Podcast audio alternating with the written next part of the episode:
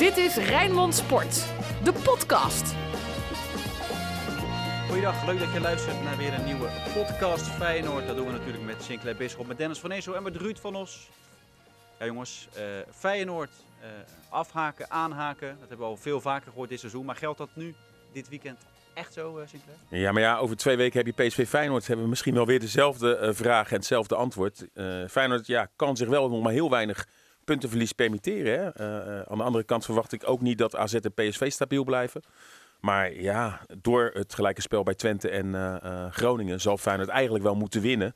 Om die ploegen niet uit zicht te laten gaan. Het kan een heel mooi weekend worden met ook Ajax PSV. maar het kan ook inderdaad dat Feyenoord weer de grote verliezer is door, door niet te winnen in Alkmaar. Ja, want Dennis, waarom zou Feyenoord PSV niet kunnen inhalen meer? Nou ja, dat, dat kan wel. maar wat Sinclair zegt, Feyenoord kan zich natuurlijk heel weinig meer permitteren. En dat komt niet zozeer door de gelijkspelen van deze week. Want uit bij Groningen en ook uit bij Twente dit seizoen, daar kun je best gelijk spelen. Maar Feyenoord betaalt, zo kijk ik ernaar, nog steeds eigenlijk het tol voor sommige gelijk spelen in de eerste seizoen zelf. Daarom waren we er toen al zo kritisch op. Hè? Uit bij RKC, thuis tegen Sparta, eh, de 0-0 tegen Heracles tegen, uh, tegen 10 man. Ja, dat zijn de punten die je nu dus in de loop van dat seizoen mist. Waardoor je bonuspunten moet pakken in wedstrijden zoals komende zondag. En Feyenoord winnen van AZ sta je daar weer mee gelijk. Als PSV van Ajax verliest, is het maar vier punten. Dus het kan zo'n weekend worden. Maar het kan ook een weekend worden dat het gat echt uh, te groot gaat worden. Rood, wit, bloed, zweet. Geen woorden maar daden. Alles over Feyenoord. Ja, Ruud, laten we even teruggaan naar woensdag. Groningen-Feyenoord 0-0. Dan werd het eigenlijk, was het, uh, als ik zo de, uh, de media en alles wel las, was het daar eigenlijk wel een prima wedstrijd. Feyenoord goed gevoetbald, alleen niet gescoord. Maar ja, dat is wel een vrij essentieel onderdeel. Nou ja, dat zeker. Maar ik heb de media niet nodig om een mening op, op van die wedstrijd te, te, bepalen. Ik vond Feyenoord ook aardig voor de dag komen hoor. En uh, ja, als je uh, een aantal keren het, het houtwerk raakt, dan uh, ja, kan je zeggen dat doe je niet goed. Je kan ook zeggen je hebt een beetje pech. Uh, Linsen, balletje op de lat, Sinistera twee keer op de paal. Dus ik vond Feyenoord beter op de dag, voor de dag komen dan de menige andere wedstrijd in, in 2021. En ik ben inderdaad, zoals Dennis en Sinclair van overtuigd, dat dit het weekend is waarin uh, toch grotendeels wordt bepaald of Feyenoord nog kans maakt op die tweede plaats. Ja, maar mag je tevreden zijn als Feyenoord dat je gelijk speelt bij Groningen uit? Ja, wat, wat nee. Uh, ja hoor. Dennis zegt nee, vertel. Ja, maar ik, ik vind wel, uh, dit Feyenoord is geen topploeg. Dus mag je tevreden zijn met een gelijkspel. Alleen, je, je had recht op meer. Zoals tegen Twente had je recht op minder. En tegen Groningen had je recht op meer. Maar gelijk spelen bij Groningen voor dit Feyenoord. Ajax verliest daar. Uh, ja. En laten we gewoon eerlijk zijn. Groningen had bij een overwinning op Feyenoord gewoon op een punt gekomen. Hè. Dus daar zit niet zo heel erg veel uh, qua resultaten verschil in. En wat nee, dit is allemaal waar. Maar de, maar de vraag is, de vraag is mannen, van Jan Jaap, of je er tevreden mee mag zijn als Feyenoord zijnde. Ja? Als jullie daar ja op zeggen, vind ik dat best wel pijnlijk. Want we hebben het over Feyenoord. Ja, maar jij, jij ziet toch al het hele seizoen te kijken. Jij ziet toch ook dat Feyenoord gewoon een hele matige ploeg heeft dan is het toch niet zo heel gek dat een ploeg die wel van Ajax weet te winnen, als je daar gelijk tegen speelt, dat je het dan, nou, dat je niet ontevreden hoeft te zijn. En je hebt daarvoor dat, toch drie dat dagen klopt, geleden maar dan dat klopt. gezien, Dennis? Ja, dat klopt, maar daar mag je dan toch niet tevreden mee zijn, juist niet. Nou, ik vind dat je bij Twente Feyenoord met een punt niet tevreden mag zijn. Dat je dan kan zeggen, ja, we stonden 2-0 achter en we zijn nog goed teruggekomen. Dat, dat was echt ammonia, ammonia, abominabel. Maar uh, hier bij Groningen, ja, dan kan je natuurlijk niet, een bal binnenkant paal, als die binnenslaat. Ik bedoel, Feyenoord heeft het daar toch wel goed gedaan. Ik ben tevreden over wat ik daar van die ploeg uh, gezien heb. En ja, Feyenoord leek echt een beetje uitgeblust. En dan vind ik het wel knap dat ze zich in drie dagen tijd zo hebben uh, kunnen revancheren. Dat ze in ieder geval een wedstrijd hebben uh, gespeeld waarvan iedereen overtuigd is. Die hadden ze moeten winnen. Maar het is natuurlijk niet, dat kijk, als je een keer gelijk speelt bij Groningen uit, zoals Ajax, die verliest hij dan een keer. Maar die winnen wel voor de rest het, het gros van de wedstrijden. Bij Feyenoord lijkt het wel structureel te zijn, toch? Maar dan zijn ze daar nog steeds niet tevreden met die ene nederlaag in Groningen, omdat ze de rest wel winnen. Nee, maar kijk, en dat is nou precies een topclub mentaliteit. Als ja. je tevreden gaat zijn met een 0-0 in Groningen. En ja, ik heb de wedstrijd ervoor ook gezien. Ik heb deze wedstrijd ook gezien. Fijn, het kwam goed voor de dag. Had wat pech met de paal en lat. Het is allemaal waar. Maar om er dan tevreden mee te zijn. Ja, maar jij, jij nou, maakt dat gaat er bij mij qua topsportmentaliteit echt nee, niet. maar je moet ook realistisch zijn, Dennis. Ja, jij maakt een grote Zeker denkfout. realistisch, maar je hebt het over, over tevredenheid. Ja, maar jij maakt een grote denkfout. Jij noemt Feyenoord een topclub. Ja, dat klopt. Ja, dan ga je daar al Dat is geen denkfout, dat is een kwestie van perspectief. Nee, dat is... En als, als, je, als je maar gaat blijven zeggen dat Feyenoord geen topclub is en je ze zo niet benadert, gaan ze het ook nooit meer worden. Ja, maar de banaan, het gaat mij niet om hoe je het zegt, het gaat erom hoe Feyenoord het uitvoert. Dat bepaalt of zij een topclub zijn, niet of ik het denk. Want Feyenoord is geen topclub. In, heel, in welk facet is Feyenoord een topclub dan? Leg het me uit. Nou, het gaat er ook om wat je wil zijn. Hè? En we gaan, je kan toch niet ontkennen dat Feyenoord qua potentieel dat gewoon hoort te zijn. Ja? Een van de topclubs ja, in dat Nederland. zeg je goed, maar, maar het is het niet. Ja, maar moet je daar dan bij neerleggen? Nee. Of ga je er alles aan doen om te zorgen dat je datgene wat je wil zijn wel bent? en daar hoort geen tevredenheid met een gelijkspel bij Groningen bij. Ja, ja, ja, maar Sparta is ook niet tevreden als het bij Groningen gelijk speelt. Maar, die, maar, maar Ruud, kijk, dat PSV en Ajax op basis van de laatste 40 jaar veel meer gewonnen hebben. Maar als je nu sec de laatste 10 jaar kijkt, de prijzen die Feyenoord wint dan horen ze toch gewoon bij de top 3 van Nederland. Ja, en, dat, maar, en is het een topclub, alleen is het niet, uh, moet je ze niet zodanig uh, rangschikken als Ajax en PSV. En dat doen wij wel altijd. Ja, precies, dat is het. Kijk, Ajax en PSV, we hebben een top 2 in Nederland. Dat zijn de topclubs. En, en AZ wil ook een topclub zijn. En Feyenoord wil ook een topclub zijn. Maar dat wil niet zeggen dat ze het zijn. Ik denk dat, dat Feyenoord bijna in alles een topclub is. Alleen niet uh, op basis van de kwaliteit wat op het veld staat.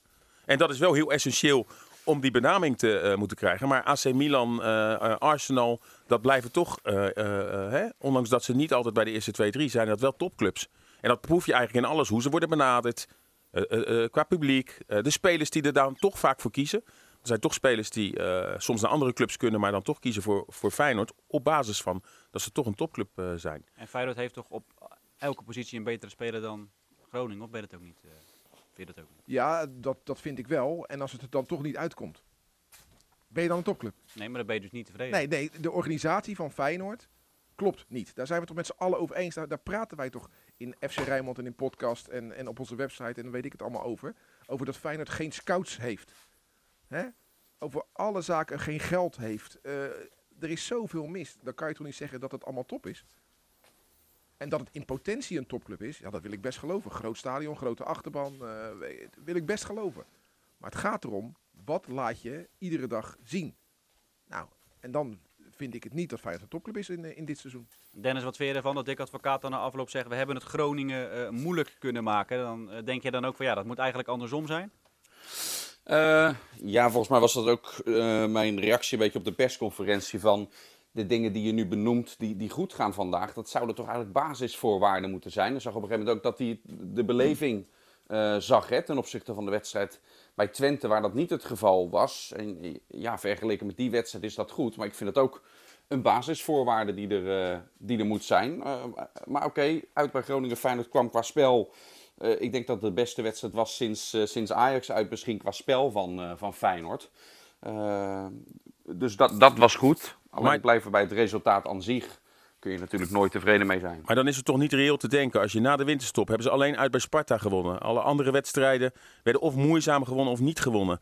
We weten wat er in die week gebeurd is. Die pijnlijke uitschakeling. Uh, ja, het futloze uh, spel in Enschede de loon voor alles wat er speelt. Dan had ik toch niet verwacht. Jij denkt toch ook niet dat Feyenoord er eventjes bij Groningen. Wat gewoon een, een hele lastige uitwedstrijd even maar met 0-2 of 0-3 wint. En als je dan ziet hoe ze voor de dag Had komen. Had toch gekund? Had toch gewoon gekund? Ja, nou daarom. Dan ben je toch gewoon tevreden over. Dan ben ik meer dan tevreden. Ze hebben me echt verrast hoe ze voor de dag ja, over het spel. Over het spel ben je dan tevreden. En over dat ze tot die kansen komen en dat ze beter voor de dag komen dan bij Twente. Daar ben ik ook tevreden over. Ja? Maar het gaat toch uiteindelijk om het resultaat? Ja, maar dan ben ik in elke wedstrijd waarin Feyenoord niet wint, ben ik teleurgesteld over het resultaat. Dat mag ik hopen, ja. Ja, dat is ook zo. Dat geldt maar, ook voor andere clubs. Maar ook als ze bij Ajax uh, niet winnen. Maar het is niet altijd realistisch. En daar hebben we het volgens mij over. Maar heeft Feyenoord dit seizoen misschien wel de beste wedstrijden gespeeld die ze allemaal niet wonnen? Ajax, Vitesse en nu Groningen weer. Zou zomaar kunnen. Dan is, het, dan is dat ook wel structureel. Tweede helft Willem II was goed, maar ja, Willem II blijkt nu echt een uh, ja, baggerploeg te zijn. Iedereen, ja. kan iedereen nou, die, hebben wel, die hebben wel een puntje tegen Ajax weer gepakt. Dus het... Ja, maar ik miste wel uh, toch een echt slotoffensief. En dat heb ik al in meerdere wedstrijden bij Feyenoord hier in Groningen. Kijk, oké okay, hè, beste kansen, maar een echt slotoffensief. En dan verwacht je misschien wel dat er misschien toch wat meer risico uh, qua wissel wordt uitgevoerd. Dus een verdediger eruit en een spits erin. Volgend seizoen pas, Ook bij Twente slotoffensief volgend seizoen. nee, maar dat, dat mis ik wel. En, en, en dat je echt de tegenstander in die slotminuten nog bij de keel uh, pakt. Uh, zeker omdat Groningen en ook Twente, ja, die zaten er wel doorheen. En die leken toen in die fase wel met een punt tevreden te zijn. En dan mis ik wel. Ja. Probeer dan wel te wisselen uh, om een overwinning over de streep te trekken. Want sommige clubs scoren vaak in de laatste minuut, maar dwing je dan wel vaak af. En nu bleef de formatie eigenlijk hetzelfde. En had hij natuurlijk ook nog wel kunnen vallen, maar echt grote kansen. Heb ik niet gezien. Hij kon, hij ja, kon Groningen, ging natuurlijk, eh, Groningen Dennis- ging natuurlijk met, eh, met Buis ook wat anders eh, doen. Hè? Bij, bij Twente, daar had ik echt inderdaad het gevoel dat de tank ook wel wat leeg was. eh Sinclair, en vond ik het inderdaad heel vreemd dat, dat er niet nog zo'n aanvaller bij kwam.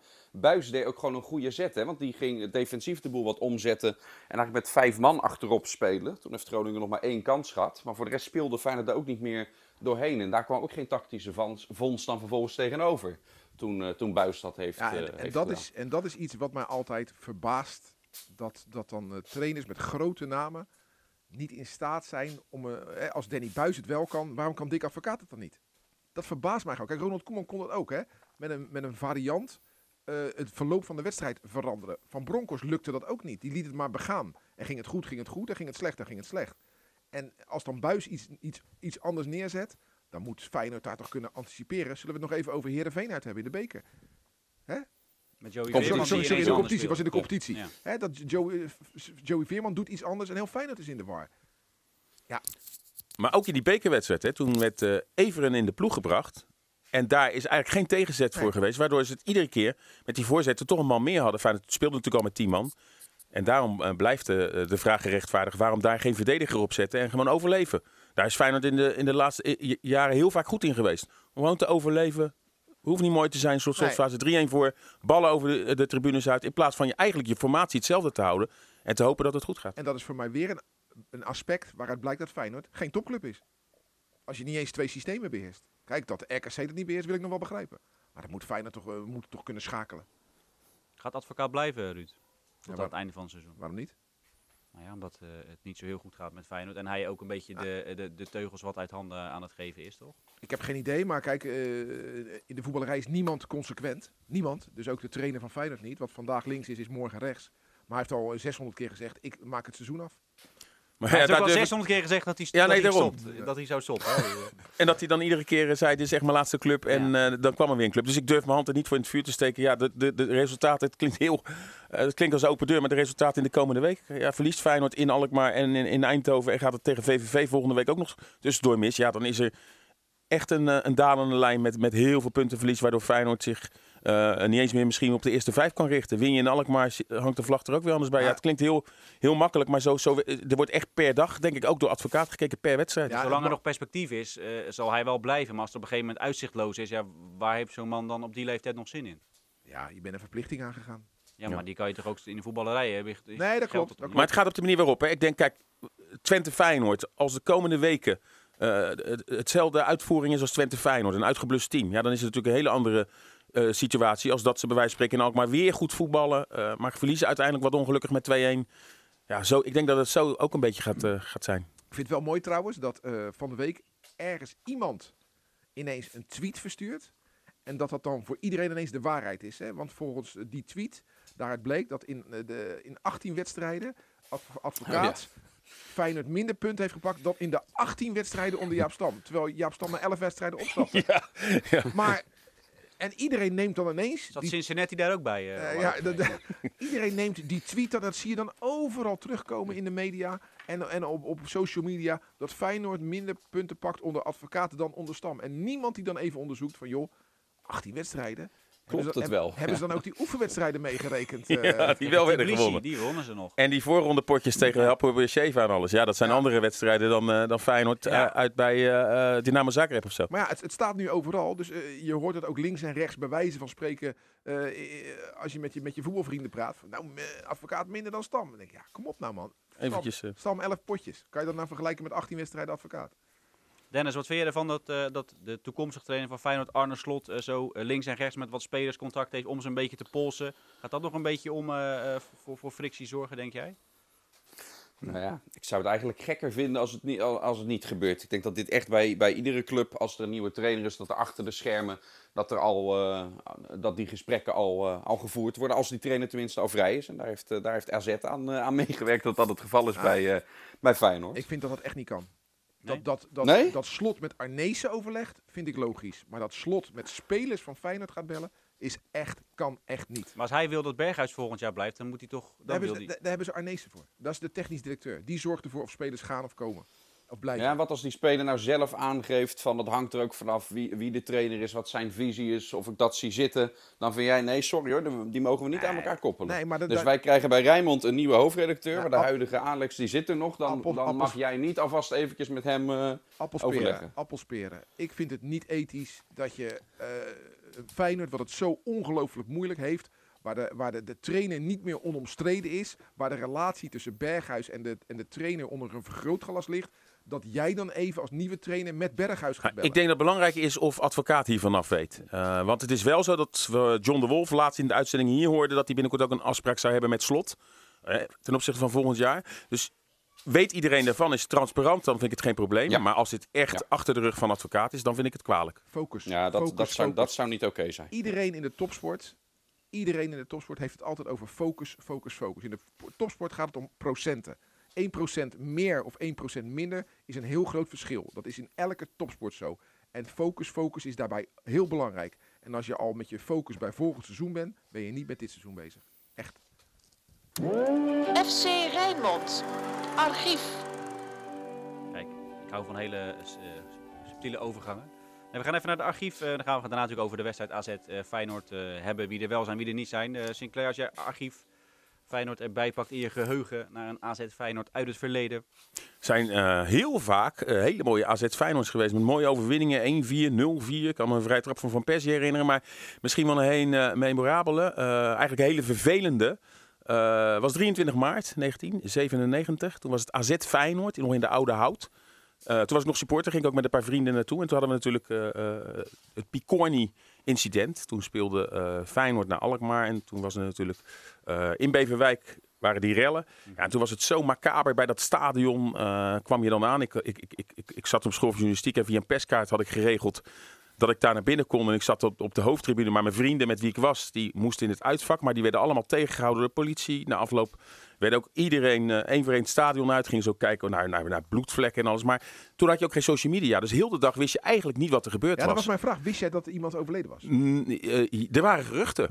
En je denkt wel dat het waar blijkt te zijn. En, en, en die wedstrijd ging ook natuurlijk door. Op een gegeven moment gaan er ook geruchten dat er eh, eh, mensen van Feyenoord gewond zijn of eventueel overleden. Er waren zoveel geruchten, waardoor je eigenlijk niet... En, en het was niet zo dat je met iedereen, met je vrienden, heel tijd contact kon hebben. Nou, we waren daar ook met eigen vervoer heen gereden.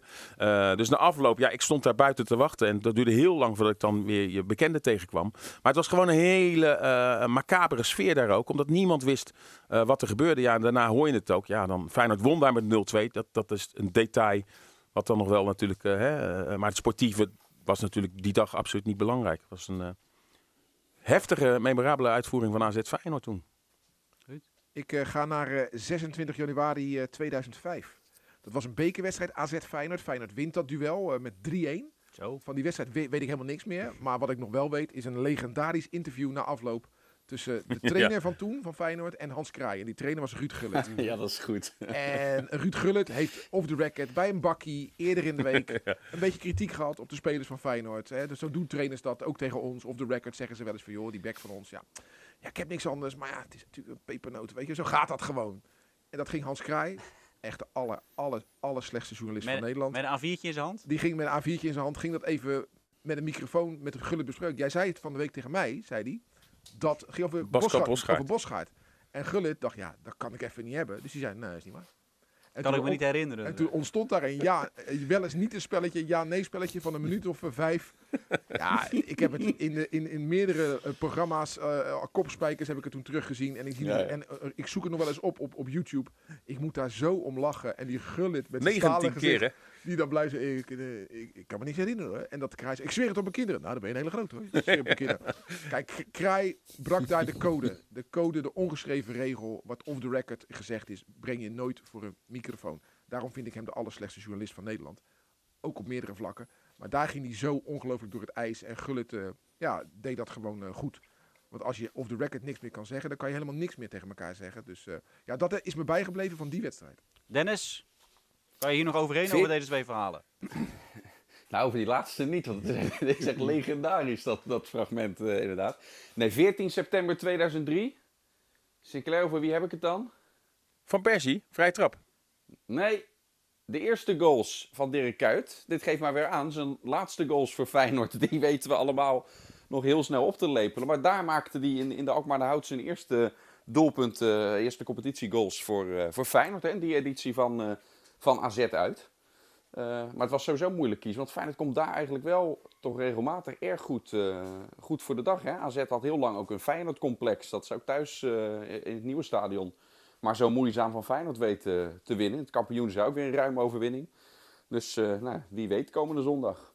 Over komende zondag gesproken gaat Justin Bijlo weer in het doel staan. Want, want hij was terug en toen was hij toch weer niet terug. En Marsman keept volgens mij ook tegen Groningen weer, weer prima. Wat denk jij, Sinclair? Ja, op basis van wat je de laatste weken van Marsman hè, gezien hebt, buiten die fout dan in Heerenveen, zou ik denk ik dat, dat hij misschien dan toch nog voor Marsman kiest. Want als je nu met Bijlo gaat, gaat beginnen, kan het niet zo zijn dat je hem volgende week weer uithaalt. Dus ik zou daar geen risico mee nemen. En als hij dus afgelopen woensdag niet kon keepen, dan is het drie dagen later in een belangrijke zware pot in Alkmaar. Uh, is het denk ik dan niet verstandig. Maar aan de andere kant zag Marsman ik ook... was ook niet helemaal fit. Marsman ook niet helemaal fit, hè. Uh, maar keepte wel goed. Keepte wel goed, maar uh, ten over liep, liep ook al een paar keer warm. Je zag hem wat trekkenbenen. Dus ik denk dat daar wel gekeken wordt naar hoe Marsman eventueel kan staan. Maar als ze allebei nu fit zijn, is het misschien handiger om deze wedstrijd nog even aan Marsman te geven. En dan iets zorgvuldiger met uh, Bijlen om te gaan om hem weer terug te laten keren. Als ik, als ik advocaat was, zou ik nu gewoon voor de rest van het seizoen het vertrouwen geven aan Marsman. Dan wordt Marsman ook beter van. En dan kan uh, Bijlo in alle rust gewoon werken aan zijn fitheid en er gewoon volgend seizoen weer staan. Want dat kwakkelen, inderdaad wat jij zegt Sinclair, dat halen en brengen wel niet, wel niet, dat schiet gewoon niet op. Is voor niemand goed. Dennis, voor de rest, uh, de opstelling gaan we nog uh, verrassingen zien, denk jij? Gaan we wisselingen zien? Ja, zeker met meerdere wedstrijden achter elkaar is het elke keer de vraag van blijft Sinisterra staan of komt Hapswink op die linksbuitenplek? uh, te staan. Hè? Uh, gaat hij Kuksu laten staan of keert hij toch weer terug naar Diemers? Dus wat, wat gebeurt er met Geert Ruida die opeens daaruit is verdwenen? Hij was erg positief ook over Nieuwkoop, hoe hij deed op de rechtsbackpositie uit bij Groningen. Uh, dus ik ben, uh, ben erg benieuwd uh, of hij toch weer wat dingen gaat, gaat wijzigen. Sluit ik niet uit. Mag ik een lans breken voor Haps gewoon weer op de linksbackpositie? In plaats van Malasia. Want ik vind Haps linksbuiten, dat vind ik nou niet echt uit de verf. Er was een noodverband die dan wel is goed uitviel. Maar uh, Malasia vind ik de laatste weken, en dat is ook niet erg, want het is een jonge jongen. Voor de winterstop uitstekend, maar de laatste weken vind ik het een van de mindere. Uh, en Haps op de linksbackpositie is toch geen gekke gedachte? Nee, zeker niet. Hey Ruud, uh, als jij zo'n Jurgensen dan op de bank ziet zitten, heb je dan medelijden met die jongen of denk je van, nou ja... Waarom zou ik überhaupt medelijden moeten hebben met iemand die meer dan een miljoen verdient? Omdat het niet alleen maar om geld gaat in het leven. Ja, maar deze jongen, wat, wat heeft hij te eisen dan? Heeft één goed jaar gehad. Dat is, daar hebben we alleen nog maar zwart-wit foto's van. Ja, kom op. Nee, dat, zo gaat het toch in de topsport? Ja, want nu is ook Bozeniek hem uh, weer voorbij. Lijkt het, hè? Want die mocht dan wel invallen en hij en, uh, en Prato niet. Nee, ik heb met niemand in de profvoetbal uh, rekening. De, de, de, dat, als je daar instapt, if you can stand the heat, stay out of the kitchen. Als je daar instapt, dan weet je dat je op de bank kan gaan zitten.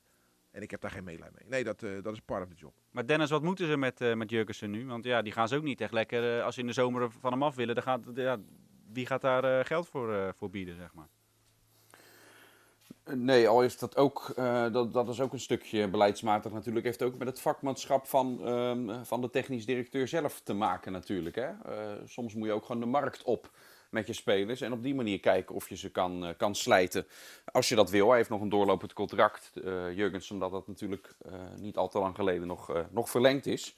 Uh, en, en om weer terug in het elftal te komen, zou Jurgens dat echt vooral vanuit zichzelf uh, moeten halen. Heel vaak hoor ik de vraag, ja, is dit niet demotiverend voor hem? Dan loopt hij warm, komt hij er steeds niet in.